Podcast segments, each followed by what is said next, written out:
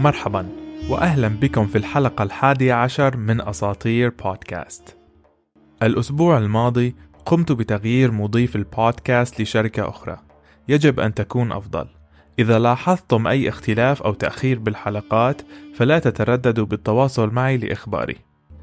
خبر آخر قبل أن أبدأ الحلقة هو أن البودكاست قد أصبح الآن متوفرا على اليوتيوب. اسم القناة هو أساطير بود باللغة الإنجليزية أو أساطير بودكاست باللغة العربية. المهم أنا عادل وأسطورتنا اليوم قادمة من كندا من شعب الإنيويت الذين يعتبرون أحد السكان الأصليين لقارة شمال أمريكا وغرينلاند. عنوان حلقة اليوم هو سيدنا زوجة الطائر حبيبة الكلب وأم الأسماك.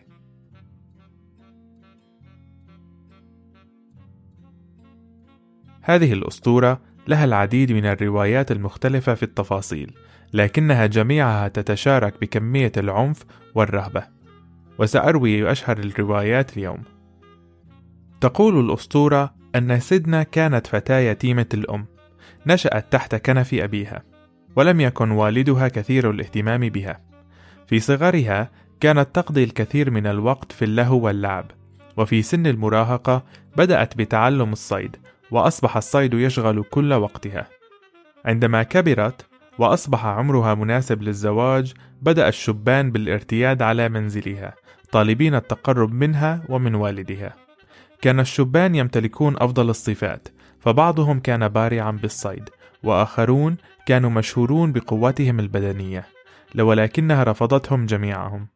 فحياتها مع أبيها كانت مناسبة جدا لها، ولم ترد أن تغير ذلك. إصرارها على الرفض وتوالي الشبان على منزلهما أزعج أباها، إلى أن طلب منها أن تختار أحد العرسان، فلا يمكن لها أن تقضي بحياتها وحيدة. بدأت سيدنا بالتطلب من الشبان، فكانت تريد الكثير من الأسماك والصيد، وأرادت الكثير من الفراء لكي تبقى دافئة خلال فصل الشتاء، وأرادت أن تترك على هواها. بعد أن سمع الشبان الطلبات انسحبوا واحدا تلو الآخر بعدها تقدم أحدهم وكان معه عدد كبير من الأسماك ووعدها وأباها أن يوفر الفراء وأن يبقيها دافئة خلال فصل الشتاء. وافقت الفتاة الجميلة على أن تتزوج منه ثم ذهبت معه إلى الجزيرة التي كان يسكنها مع قبيلته. عند وصولها للجزيرة تفاجأت أن البيوت عليها لم تمتلك أي أسقف إنما كانت أشبه بأعشاش الطيور.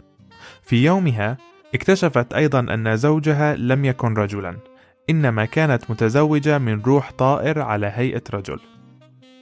في ثقافة الإنيويت هذا الطائر كان معروف على أنه غراب أو طائر البتريل الذي يشبه طائر النورس لكنه أسود الريش.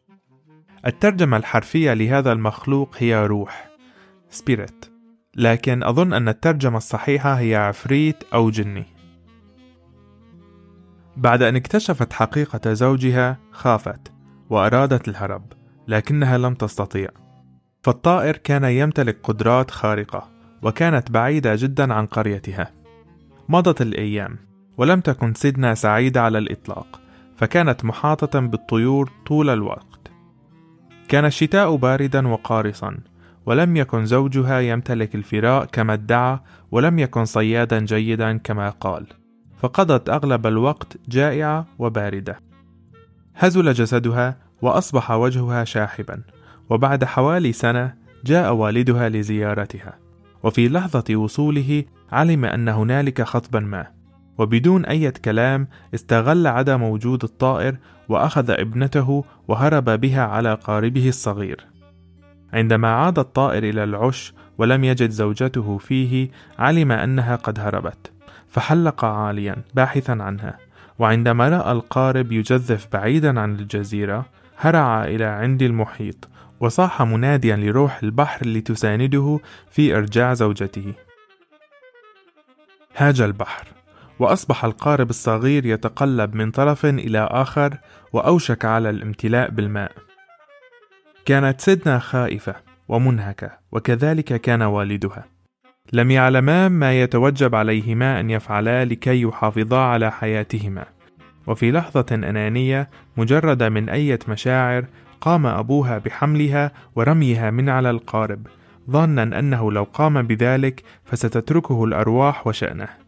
لكن سيدنا تمسكت بالقارب بكل ما لديها من قوة فلم يكن منه إلا أن أخرج حربته وقطع أصابعها كلها من كلتا يديها وتركها تغرق في البحر.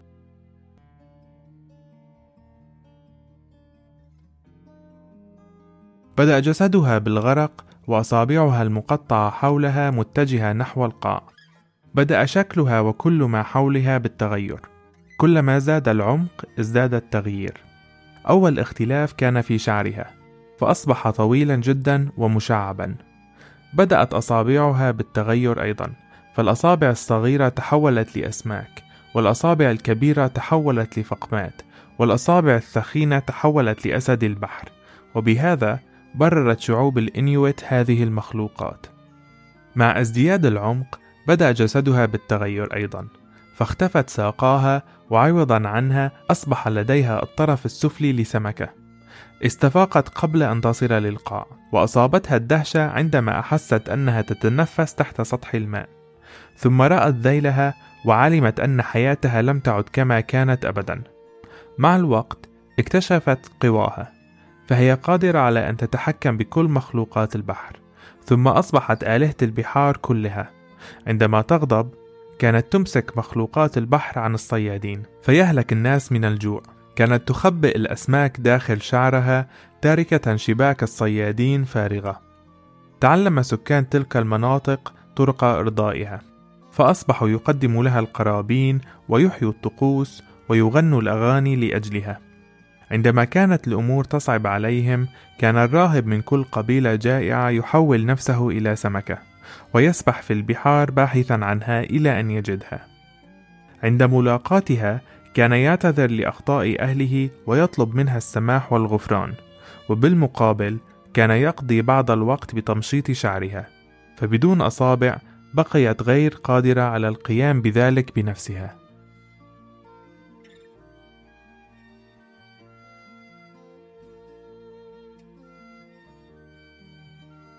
في رواية أخرى شبيهة بهذه الرواية وبعد وقوع سيدنا في البحر يظن الطائر أنها قد ماتت.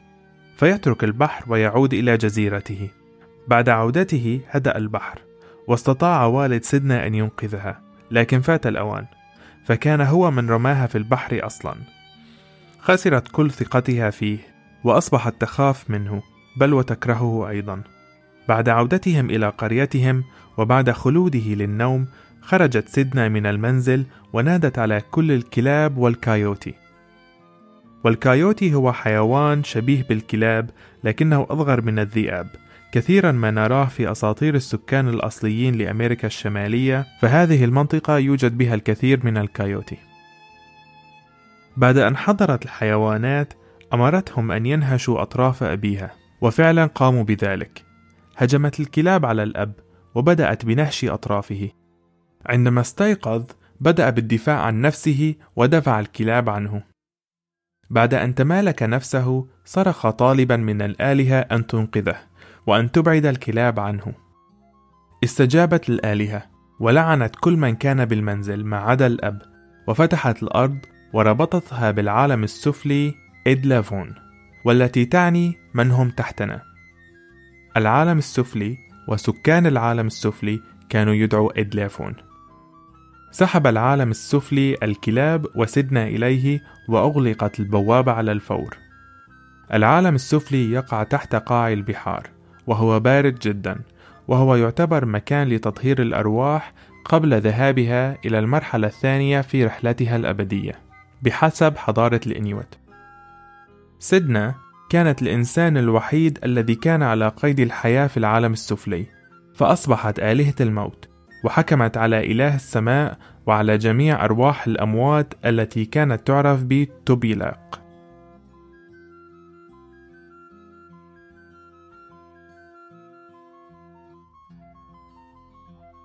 آخر رواية أود أن أشارككم بها لا يوجد بها أي طيور. في البداية تقول الأسطورة أن سيدنا كانت تعيش مع والدها لوحدهما ولم تكن تريد الزواج أيضا كما في الروايات الماضية. في إحدى الليالي وخلال عاصفة ثلجية طرق بابهما شاب في مقتبل العمر. طلب منهما أن يستضيفاه لليلة حيث أنه ضيف في القرية. وافق الأب على ذلك ودعاه إلى داخل منزلهما المتواضع. كان الشاب وسيما وكان حول عنقه طوق عليه نابان طويلان وكان شعره غير مرتب وبارز في عدة أماكن.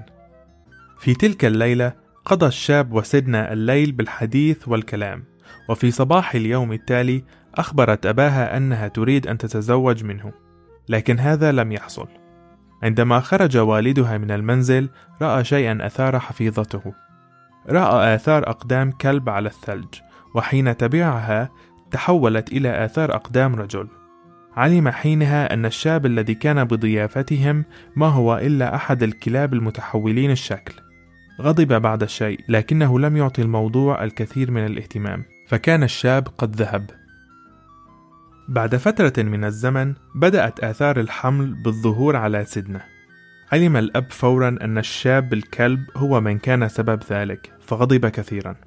أخذ ابنته ورماها على جزيرة بعيدة خوفا مما ببطنها فلم يكن يعلم إن كان الطفل الذي ببطنها بشريا أم جنيا.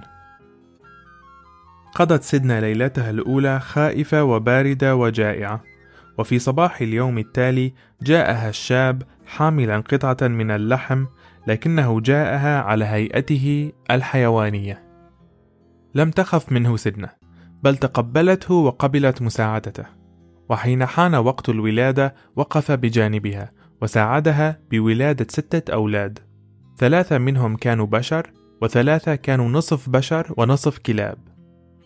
أحبت سدنة جميع أطفالها ورعتهم جميعا. لكن في قرارة نفسها كانت تعلم أن أحدا لم يتقبلهم. بمساعدة زوجها بنت قاربا صغيرا من جلد الفقمات ووضعت الأطفال الثلاثة بداخله ودفعتهم إلى البحر نحو المجهول. بعض الروايات تقول أن الأطفال أنصاف الكلب هم المسؤولون عن كل البشر في شمال أمريكا وأوروبا. بقيت سيدنا مع أطفالها الثلاثة البشريين على الجزيرة وكان الكلب يحضر لهم الطعام يوميا. في أحد الأيام غمر والدها الشعور بالذنب وعاد لكي يصطحبها وأطفالها إلى القرية. استغربت من رؤيته لكنها وافقت على العودة. وفي طريقهم ضربت عاصفة قوية البحر فما كان من الأب إلا ورمى ابنته إلى البحر. تعلقت بالقارب فأخرج خنجره وقطع أصابعها. نهاية هذه الأسطورة تشابه تلك التي ذكرت في بداية هذه الحلقة. فبعدها أصبحت سيدنا آلهة البحار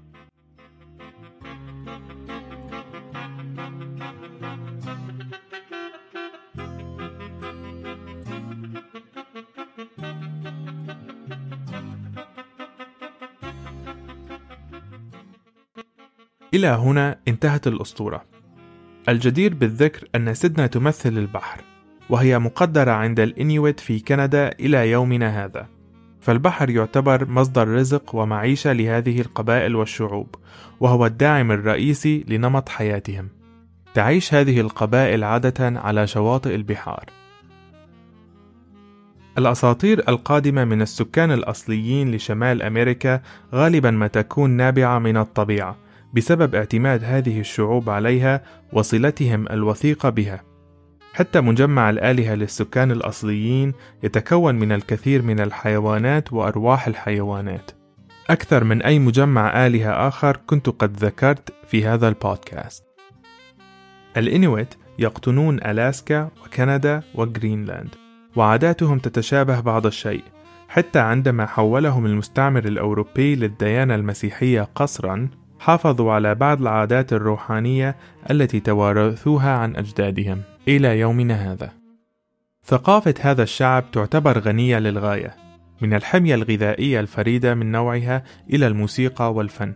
يوجد عدة أنواع من ثقافات الإنيويت وهذا يعتمد على موقعهم الجيوغرافي.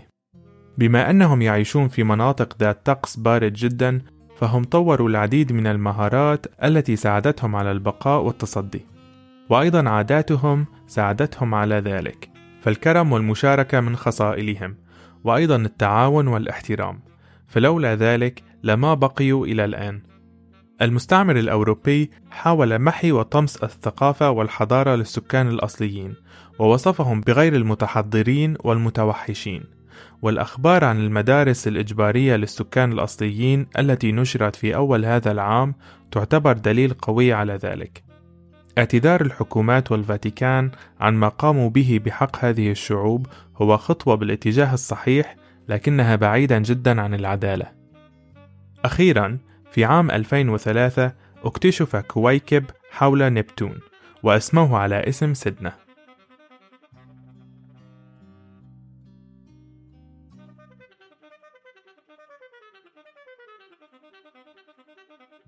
أتمنى أن تكون حلقة اليوم قد نالت إعجابكم. لا تنسوا تقييمها على المنصة التي تستخدمون، ومشاركتها مع أصدقائكم المهتمين بالأساطير. أود أن أقول أن في الأسبوعان القادمان لن أستطيع أن أشارك حلقات جديدة، فأنا الآن أنتقل من بيت إلى آخر.